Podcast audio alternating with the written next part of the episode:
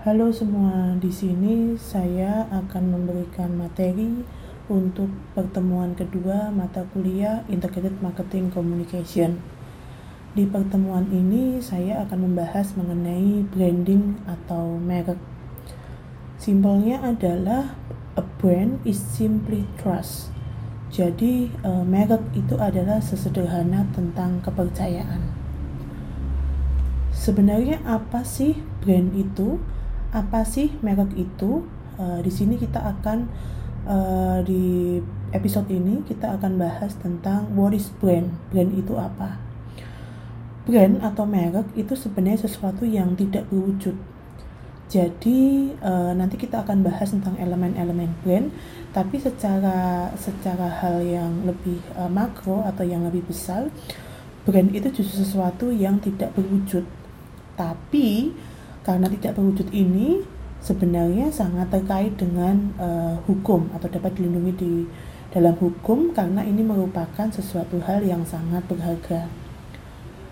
Brand ini menunjukkan bagaimana sebenarnya produk ini dipersepsi atau dilihat oleh para pelanggan atau nanti kita menginginkan siapa sih uh, target audiens kita. Nah, ada yang bilang brand itu sebenarnya citra. Brand itu adalah um, apa ya uh, nampak muka atau persepsi, asosiasi atau nilai inherent yang sebenarnya brand ini itu bukan sekedar diberikan atau ditulis uh, oleh perusahaan kepada sebuah produk, tapi brand ini justru sebenarnya adalah uh, sebuah persepsi yang dilekatkan oleh pelanggan pada produk dan turunannya. Nanti dalamnya ada layanan, ada uh, services yang lebih uh, detail mengenai produk tersebut. Nah, dalam brand ini mencakup banyak hal, mulai dari atribut. Nah, atribut ini yang sering kita lihat, uh, yang sering kita baca di pinggir jalan, yang sering bahkan bisa kita bedakan kalau uh, lambang A dalam tulisan Samsung itu tidak ada garis strapnya itu berarti sesuatu yang dilekatkan berupa atribut. Nah selain itu juga ada value atau nilai yang tidak terwujud yang tidak bisa dilihat gitu. Nah ini yang kemudian kita akan bahas detail tentang sesuatu yang tidak berwujud. Uh, sebenarnya apa sih um, atau bagaimana sih agar eh, merek atau brand itu dapat berhasil di uh, masyarakat? Uh, ini semua yang harus saling sinkron atau koheren. Mulai dari uh, apa namanya mulai dari brand tersebut apakah cocok ke konsumen sampai value sampai nanti konsistensi dan lain sebagainya. Itu semua harus sesuai dan menarik bagi konsumen. Karena sebenarnya um, sebuah brand atau merek itu adalah janji yang diberikan oleh perusahaan oleh produk tersebut yang kemudian akan diterima oleh pelanggan atau customer uh, yang akan disasar nantinya. Karena sejatinya brand itu mencakup visi, nilai dan kepribadian dari produk dan lebih luasnya lagi uh, value yang dimiliki oleh perusahaan tersebut.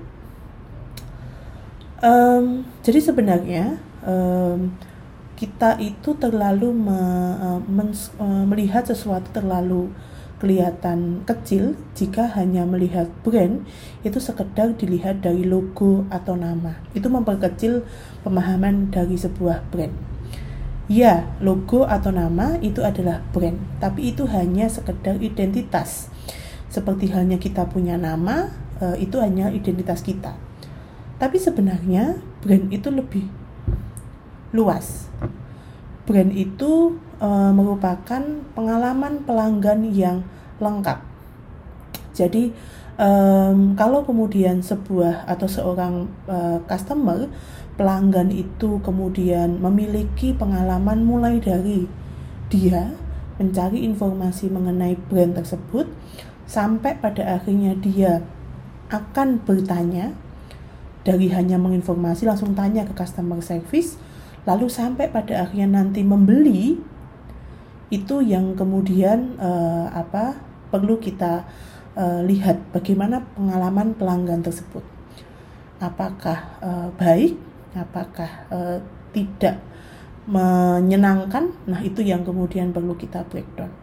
Sehingga brand itu adalah e, jumlah terintegrasi dari semua bauran pemasaran, bauran komunikasi melalui tools-tools iklan yang ada dari produk yang semua pesan itu dimulai dari e, packaging dari produk tersebut mau dibikin seperti apa, dibikin untuk menengah ke atas, menengah atau kemudian e, untuk semua target e, yang kemudian nanti bahkan uh, yang kemarin kita bahas nanti akan ada dalam forum diskusi yang kalau di pertemuan yang lalu kita membahas mengenai ladder of engagement atau tangga dari sebuah engagement. Nah, itu semua diskusi itu yang uh, menjelaskan bagaimana sebuah produk. Nah, dua komponen terakhir tersebut yang kita bahas mengenai rumor atau gosip serta diskusi itu tidak bisa kita uh, kendalikan, tidak bisa kita kontrol. Nah, karena memang uh, itu sangat di ranah konsumen. Tapi mereka sangat bisa dipengaruhi karena pada dasarnya manajemen brand yang baik itu berpartisipasi dengan sepenuh hati di media sosial. Uh, karena memang uh, sangat uh, sangat apa ya sangat dekat dengan konsumen harapannya engagementnya kuat di media sosial yang saat ini memang menjadi uh, apa media yang sangat dekat dengan konsumen. Sehingga uh, apa detail yang kita bahas dari awal sampai akhir mengenai definisi lengkap dari sebuah brand itu adalah segala sesuatu yang dilihat dirasakan dilihat bisa berupa identitas berupa kata atau tagline dari sebuah produk dirasakan. Jadi kalau kemudian nanti kita melakukan uh, sebuah pembelian apakah um, brand tersebut itu melayani dengan baik itu yang kita rasakan melalui telepon atau melalui customer service dan lain sebagainya dan dialami oleh pelanggan uh, tentang sebuah produk atau layanan sehingga brand itu adalah perbedaan ajaib antara banyak produk dan layanan uh, yang kemudian bisa membedakan dengan yang lain. Nah, inilah yang kemudian nanti kita akan mengenal yang namanya uh, competitive advantage dan uh, apa pembeda dengan yang lainnya. Nah, di sinilah kemudian nanti kita akan bahas mengenai um, company benefit from branding. Jadi uh, branding ini kita lihat dari dua kacamata. Kacamata perusahaan sebagai pemegang brand atau yang punya produknya tersebut dan kacamata dari customer atau konsumen yang akan dituju. Pertama, itu adalah brand create sustainability competitive advantage yang sustainable. Jadi um, dari kacamata company atau perusahaan uh, perus uh, brand itu sebenarnya membuat atau mengcreate keuntungan kompetitif yang bisa berjalan dalam waktu yang lama atau sustainable. Jadi um, contohnya seperti ini, um, kita akan kita sebenarnya sudah masuk dalam kondisi saat ini itu adalah hyper kompetitif. Jadi kita masuk dalam sebuah marketplace atau sebuah pasar di mana sangat kompetitif sekali. Contohnya yang sudah sangat terlihat itu marketplace yang saat ini ada contohnya adalah online shop. Online shop itu mereka uh, kurang lebih produknya sama. Produknya adalah sebuah wadah atau marketplace di mana penjual aslinya itu adalah kita, uh, siapa pun bisa menjadi penjual. Contohnya saya jualan uh, handphone, saya jualan baju, saya jualan minuman, saya jualan makanan dan lain sebagainya. Lalu apa sih yang membedakan antara Lazada, uh, Shopee, uh, Tokopedia, Blibli, apalagi Bukalapak dan lain sebagainya. Nah, itu semua sebenarnya sama kan produknya. Intinya adalah marketplace. Nah, itu yang namanya hyper kompetitif. Di sinilah kemudian brand itu masuk untuk uh, melihat apa sih sebenarnya perbedaan uh, yang signifikan antara satu brand dengan yang lain. Di situlah kemudian nanti ketemu kata strong brand, uh, uh, brand yang kuat yang bisa mengcreate uh, uh, keuntungan kompetitif dalam waktu yang lama. Di sini dijelaskan bahwa ada sebuah statement dari uh, CEO Coca-Cola. Dia menjelaskan tentang um, satu statement yang menarik silahkan orang lain akan mengambil apa pun yang kita miliki bisa mesin bisa um, apa tanaman bisa uh, semualah tools mengenai distribusi selama mereka tidak mengambil brand karena kemudian setelah mereka mengambil semua yang terkait sesuatu yang fisik entah itu pabriknya, entah itu uh, apa pun itu yang sifat-sifat yang fisik, mereka bisa ngambil, tapi kemudian uh, selama tidak mengambil brand atau merek Coca-Cola tersebut. Ketika mereka semua diambil, uh, bahkan CEO Coca-Cola mengatakan kita bahkan bisa membangun uh, company kita dalam hitungan enam bulan. Di sinilah kemudian melihat bahwa uh, brand sesuatu yang tidak berwujud ini bahkan dikatakan lebih berharga dibandingkan sesuatu yang berwujud berupa pabrik dan lain sebagainya. Nah ini yang menarik tentang uh, brand Coca-Cola sendiri karena kita tahu kalau Coca-Cola ini sering di uh, apa ya sering ditandingkan secara langsung oleh uh, Pepsi dan uh, Bicola dan sains, uh, lain sebagainya. Nah um, jadi um, pada akhirnya kita harus tahu bahwa brand itu uh, harus memiliki perbedaan yang uh, membedakan dengan uh, brand yang serupa. Apa sih perbedaannya kopi Nescafe, Torabika, uh, Starbucks, Excelso dan lain sebagainya? Um, mungkin perbedaannya di bukan sekedar di produk tapi bisa juga di pelayanan Nah, itu yang kemudian membedakan mereka dibandingkan dengan uh, yang lain. Itu yang namanya competitive advantage. Nah, um, karena memang sebenarnya uh, yang tadi kita sudah bahas di contoh mengenai Coca-Cola, brand itu uh, uh, melihat uh, adanya dua um, brand ini melihat um, dijadikan sebuah uh, sumber utama atau satu hal yang penting yang e, mengatasnamakan sesuatu bernama nama baik. Nah, ini yang kemudian dinamakan aset strategik yang menjadi sangat berharga. E, pada akhirnya semua e, melihat ketika brand ini menjadi penting, harapannya e, harapannya semua itu diarahkan ke ke untuk menaikkan nama brand um, di mana brand ini me, me, melindungi dan kemudian uh, menjadi garda depan dari adanya kompetisi. Karena memang ketika kita tahu kita membawa nama brand, ini berarti kita melihat bahwa um, brand ini bisa mewakili perusahaan dalam kompetisi yang sangat ketat ini. Nah, yang tadi kita bahas itu tadi masih kemudian terkait dengan um, sesuatu yang kelihatan gitu. Uh, ada yang bilang bahwa saya suka dengan brand Coca-Cola karena uh, rasanya pas. Saya nggak suka dengan Bicola karena rasanya agak terlalu pahit contohnya. Itu masih masih dari kelebihan produk. Padahal dalam sebuah brand itu sebenarnya perlu menambahkan uh, edit perceived value ada penambahan nilai. Nah, nilai ini yang kemudian menarik. Nilai ini yang kemudian melihat um, apa namanya brand ini menjadi lebih uh, memiliki memiliki kedekatan uh, emosional dengan um, customer.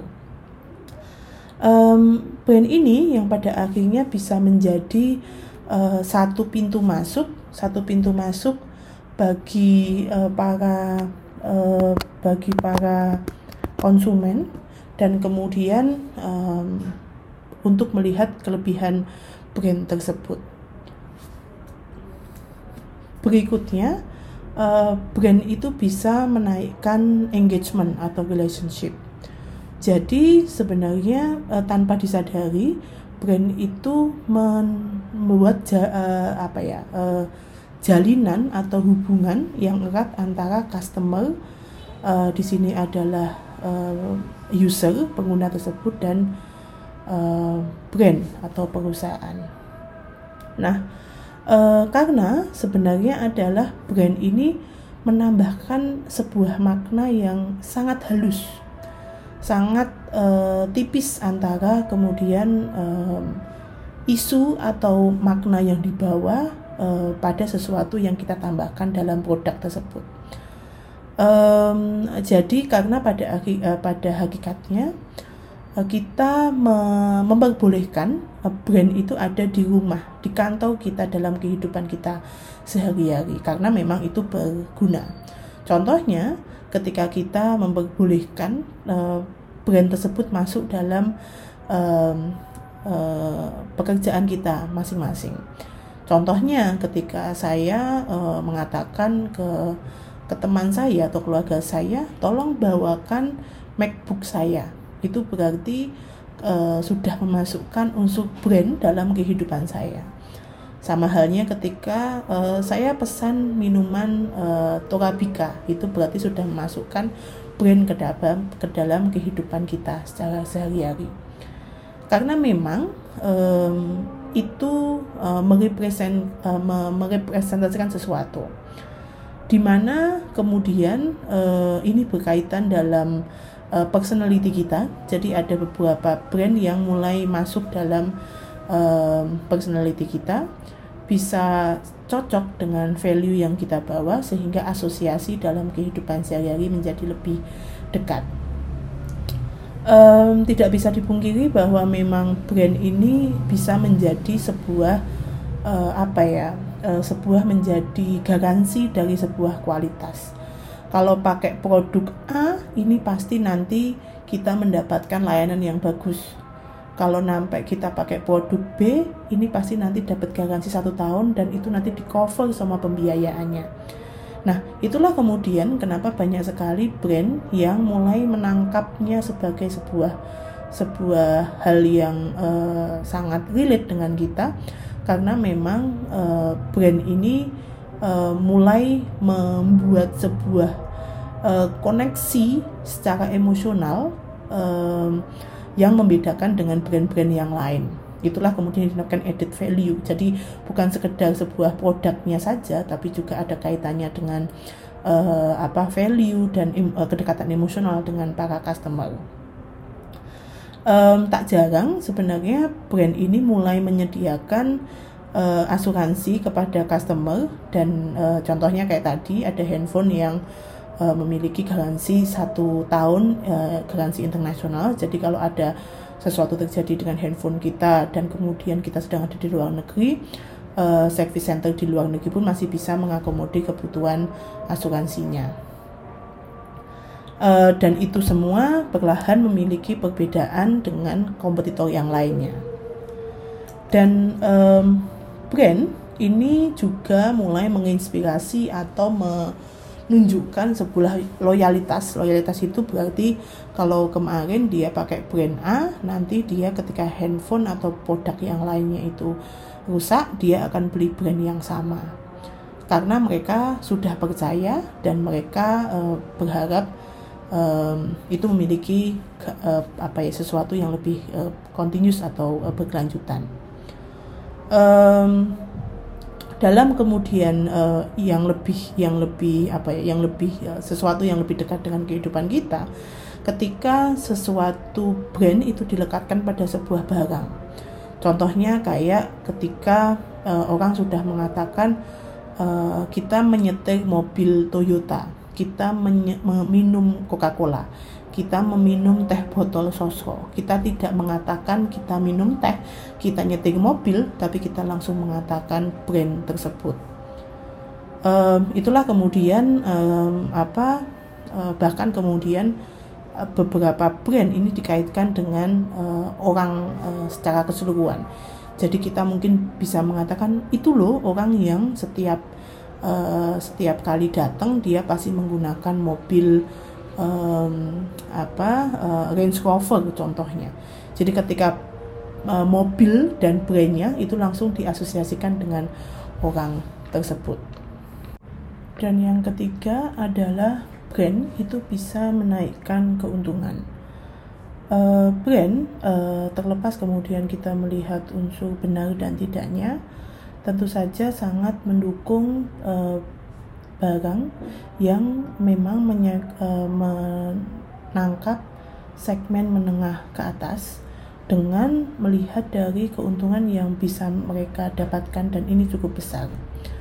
Uh, di mana pada akhirnya memang mereka ini ketika sudah menyasar segmen menengah ke atas mereka akan dengan mudah itu menaikkan harga yang memang kadang-kadang agak-agak nggak masuk akal gitu.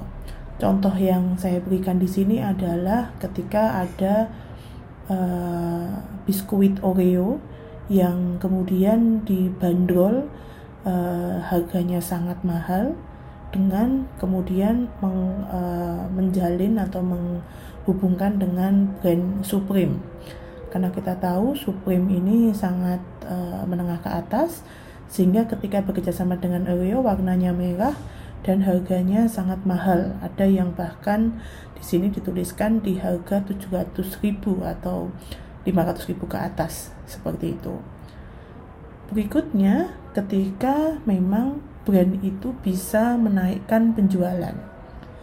Um, sebenarnya ketika kita melihat, uh, ketika kita berkaitan dengan brand, brand ini uh, sangat membuat customer itu mudah membeli suatu barang ketika brandnya itu sudah dikenal, dia sudah pernah memakai dan kemudian sudah uh, tahu bahwa kualitasnya bagus ketika seorang uh, customer itu sudah tahu uh, brand tersebut dan sudah tahu kualitasnya mereka akan lebih mudah oke okay? Uh, kalau brand ini uh, keuntungannya adalah kualitasnya bagus layanannya bagus after salesnya bagus uh, kemudian customer service-nya melayaninya dengan cukup nyaman uh, terlebih kalau nanti barangnya bisa awet dipakai dalam hitungan tahun. Sehingga kemudian mereka merasa bahwa kayaknya nggak usah pindah ke brand lain aja deh daripada saya ambil resiko baru. Nah seperti itu.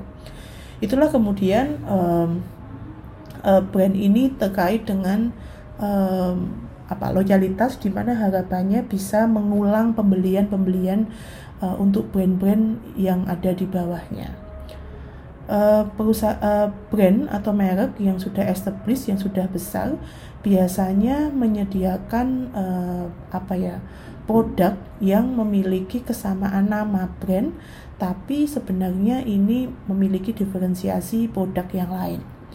Contoh yang diberikan di sini uh, ada produk Samsung. Jadi kalau kita berbicara tentang Samsung sebenarnya ngomongnya bisa banyak hal sekarang memang brand Samsung sedang terkenal di um, Indonesia atau di uh, di luar negeri mungkin ya sampai ke worldwide itu adalah handphone dengan berbagai kelebihannya. Tapi sebenarnya juga ada Samsung untuk brand uh, TV, untuk kulkas, untuk kamera pocket, ada kemudian untuk tab, untuk laptop dan lain sebagainya. Jadi memang ini semua melihat bahwa kalau satu orang sudah kenal dengan satu brand, uh, contohnya brand dia sudah tahu Samsung, biasanya kemudian bisa sangat mungkin dia juga akan menggunakan uh, produk merek Samsung walaupun diferensiasinya berbeda. Um, berikutnya di sini ada terkait dengan uh, customer jadi kita melihat brand tapi menggunakan kacamata customer. Di sini um, pertama yang jelas yang tanpa kita sadari bahwa sebenarnya adanya brand itu sangat memudahkan uh, customer itu dalam hal mengefisiensikan waktu. Contohnya, ketika dia ingin membeli sebuah produk, dia akan langsung uh, dalam satu rak dia akan tahu bahwa oke okay, saya maunya beli pasta gigi. Kita akan lebih mudah kalau kita langsung beli contohnya produk Pepsodent. Oke okay, saya beli Pepsodent 3 kalau kemudian saya mau beli sabun langsung beli sabun Lifebuoy nah itu berarti membuat pemilihan produk menjadi lebih cepat dan um, apa uh, lebih uh, selesai tanpa kita mempertimbangkan brand lain um, chairman dari Unilever menjelaskan bahwa um, apa produk-produk tersebut yang sudah memiliki kepemilikan itu uh, membuat uh, pemilihan produk menjadi lebih cepat. Dan uh, bahkan kita mengatakan bahwa uh, brand ini sebenarnya sangat membantu ketika kita itu bingung Bayangkan kemudian dalam satu rak isinya semua produk adalah produk sabun, kita akan bingung. Ini mana nih dari satu dari lima baris rak ini yang kemudian akan saya beli. Namanya misery of choice. Jadi sesuatu yang sangat uh, tidak menyenangkan isinya pilihan dan pilihan-pilihan ini sangat bisa di uh, sangat bisa dimudahkan ketika kita sudah tahu brand mana yang akan dibeli. Nah, sehingga ketika sudah mengenal satu brand ini um, kita melihat bahwa mereka brand-brand tersebut sebenarnya mempermudah kehidupan uh, karena memang menyederhanakan pemilihan uh, pemilihan um, produk plus kemudian mempercepat uh, pengambilan keputusan. Berikutnya adalah dari kacamata customer, brand itu mengurangi adanya resiko yang akan terjadi karena biasanya ketika brand ini sudah uh, sudah melekat mereka akan memiliki uh, kualitas yang sangat menjanjikan dan uh, garansi. Nah garansi ini yang kemudian menjadi sangat uh, menyenangkan ketika uh, layanan sebuah produk tersebut sudah cukup bagus. Karena pada hakikatnya brand itu adalah sesuatu yang dibangun dari sebuah kepercayaan. Nah kepercayaan ini bisa dilihat um, bisa dilihat dari iklan uh, yang sudah dikeluarkan oleh perusahaan tersebut. Dari sinilah kemudian uh, harapannya brand itu menjadi sesuatu yang sudah terpercaya. Um, uh, lalu kemudian ada sebuah apa ya? Ada sebuah sesuatu uh, pertanyaan yang sedikit menggelitik. Memangnya kamu mau membeli membeli barang dari sesuatu yang tidak kamu kenal? Nah, itulah kemudian mengatakan bahwa uh, brand itu harus dikenal oleh customer. Hampir tidak mungkin customer itu atau kes, uh, presentasinya sangat kecil ketika customer itu membeli sebuah membeli sebuah brand yang tidak dia kenal. Ini sesuatu yang masih sangat masih sangat kecil presentasenya. Sehingga kemudian penting sekali untuk meletakkan pengenalan brand ini menjadi sesuatu yang lebih mudah dikenal oleh customer um, dan yang terakhir adalah brand itu uh, berharapnya lebih memuas uh, lebih memuaskan keinginan kita lebih memuaskan aspirasi kita. Um, karena pada hakikatnya brand itu uh, memberikan status rekognisi. Kenapa pada hakikatnya ada orang yang menggunakan tas uh, Louis Vuitton contohnya atau Hermes atau uh, sepatunya uh, uh, yang uh, Dior dan lain sebagainya mereka ingin sesuatu brand tersebut juga memberikan aspirasi buat dia. Dia ingin melihat itu uh, lebih dikenal dan lain sebagainya. Itu yang kemudian menjelaskan kenapa banyak orang yang menggunakan brand menengah ke atas uh, terlebih ini adalah sangat terkait dengan aspirasi dia sendiri. Seperti itu. Um, dalam poin ini sebenarnya sangat melihat bahwa brand itu sangat terkait dengan value. Value apa yang dijelaskan dari iklan itu yang um, me, me, membuat para customer itu sangat ingin membeli. Brands provide us with belief. Jadi um, uh, merek itu menyediakan sesuatu yang sangat terkait dengan apa yang kita yakini. Kita yakini ketika kita berjalan dengan sepatu Dior atau um, apa sepatu uh, bermerek kita akan merasa percaya diri. Nah, itu adalah sesuatu yang namanya added value, jadi terkait dengan uh, value yang kita yakini. Karena memang secara uh, tidak uh, secara tanpa disadari memang sangat terkait dengan um, apa sense of belonging. Jadi kita percaya, makanya kemudian kita meyakini brand tersebut. Bahkan ada sebuah uh, sebuah signal atau sebuah sinyal yang terkait dengan afiliasi mengatakan you are what you shop. Jadi meng, meng, mengelaborasikan tentang ya kamu itu apa yang kamu beli. Jadi kalau kamu itu beli brand menengah ke atas, berarti kemudian kamu um, memang masuk dalam kelas menengah ke atas. inilah kemudian uh, brand itu merefleksikan sesuatu yang dekat dengan uh, self image atau uh, citra diri yang mereka inginkan seperti itu um, ada sebuah ada sebuah uh, formula yang menarik dari marketing yang kemudian um, mengidentifikasikan brand itu memang uh, menunjukkan atau merefleksikan mereka sebenarnya yang kemudian uh, sesuai dengan kebutuhan mereka. Nah, uh, ketika kemudian uh, mereka uh, merefleksikan keinginan dari orang tersebut, mereka akan membeli produk tersebut. Itulah kemudian kenapa brand itu bisa memuaskan keinginan mereka. Nah, sekarang pertanyaannya, um, tadi kita menjelaskan brand uh, sangat penting dan lain sebagainya. Lalu gimana caranya sih kemudian brand itu kemudian bisa dikenal? Kita di sini ada piramida dari brand awareness atau piramida level uh, kesadaran brand. Yang paling atas ini top of mind. Top of mind, kemudian di bawahnya brand recall, ada brand recognition, dan yang di bawah adalah unaware brand. Yang pertama, yang paling bawah, uh, ketika bahkan tahapannya customer itu tidak tahu brand itu apa. Pertanyaannya, kenapa sampai kemudian brand itu tidak dikenal oleh customer tersebut? Satu, bisa jadi memang kita tidak masuk dalam uh, segmentasi benda tersebut atau produk tersebut.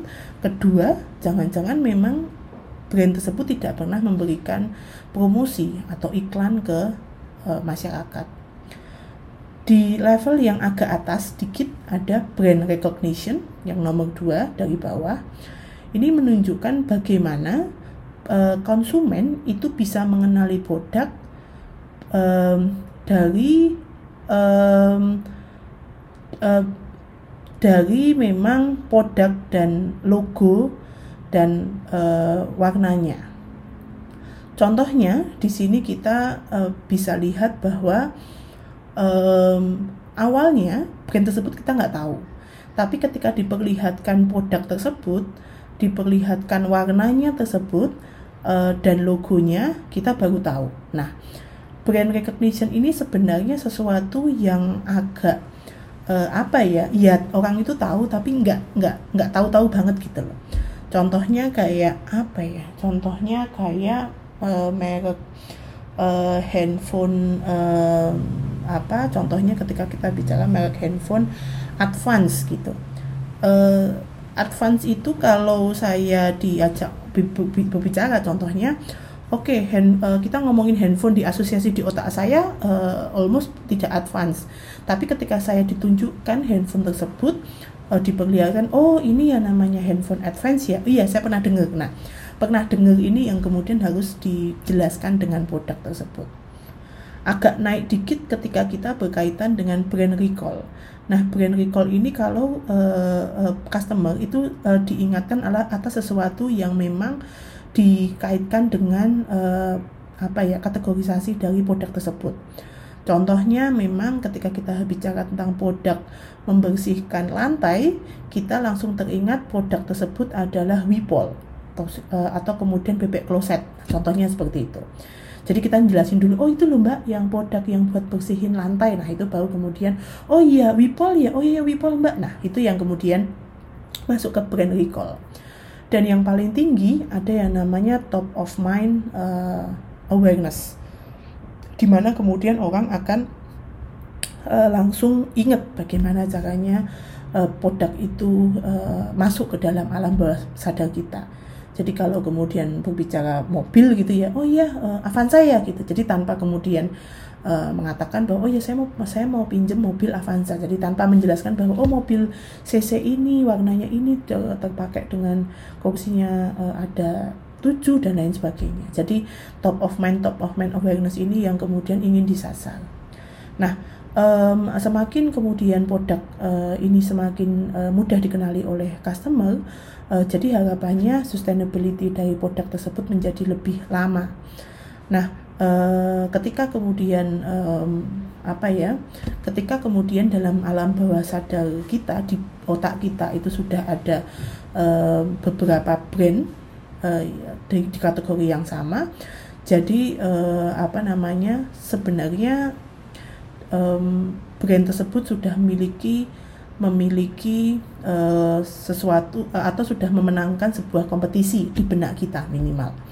Jadi ketika kita sudah mengatakan oke okay, mobil itu Avanza, berarti mobil-mobil lain seperti apa ya, seperti uh, merek merek uh, Shift atau kemudian merek merek um, Innova atau merek Pajero dan lain sebagainya itu sudah sudah uh, sudah ada di level di bawahnya seperti itu karena pada dasarnya orang itu akan membeli atau menggunakan produk yang uh, memang dia sudah kenali Nah, um, dan yang terakhir materi saya ini adalah tentang brand elemen. Di dalam brand elemen, um, sebenarnya kenapa saya menjelaskan ini karena memang brand elemen ini sesuatu yang perlu kita bahas. Contohnya, ketika kita membahas mengenai brand elemen, ini terkait dengan sesuatu yang perlu kita breakdown. Contoh, brand name. Brand name atau nama brand ini sesuatu yang bisa kita katakan saya mau beli KitKat, saya mau beli Rinso, saya mau beli uh, Nescafe. Jadi kata brand Nescafe itu yang kemudian yang dinamakan nama brand. Berikutnya itu adalah brand mark. Jadi bagian uh, biasanya ini terkait dengan font, font atau kemudian sesuatu yang menjelaskan dari sebuah brand. Contohnya ketika kita mengatakan Apple uh, itu tidak cuma tulisan A P P L E saja yang kemudian ini namanya brand uh, name-nya tapi brand mark-nya aja di atasnya ada um, apel keruak atau apel yang tergigit sedikit nah itu namanya brand mark brand mark ini uh, apa uh, sesuatu yang memang dekat dengan kata-kata uh, Apple atau brand name-nya dari Apple sama halnya yang tadi saya contohkan ketika ketika membicarakan tentang Samsung, berarti brand marknya itu adalah ketika huruf A-nya itu tidak seperti A biasa, tapi tidak ada garis strapnya di huruf A di kata Samsung. Berikutnya adalah trademark. Trademark itu adalah bagian uh, bagian. Jadi trademark itu um, sesuatu yang uh, bisa brand, bisa bagian dari brand yang memang uh, di, di, di, dilindungi secara legal.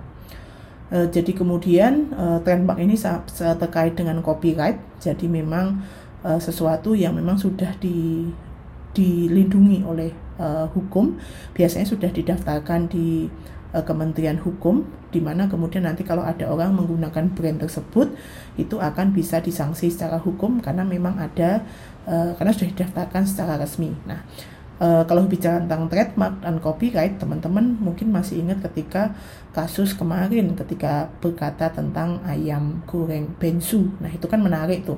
Apakah kemudian yang punya uh, kata brand bensu ini memang si Ruben Onsu duluan atau yang satu duluan? Itulah kenapa brand yang dibahas itu bukan ayamnya lebih enak siapa, tapi kemudian brand bensu itu yang kemudian diperebutkan.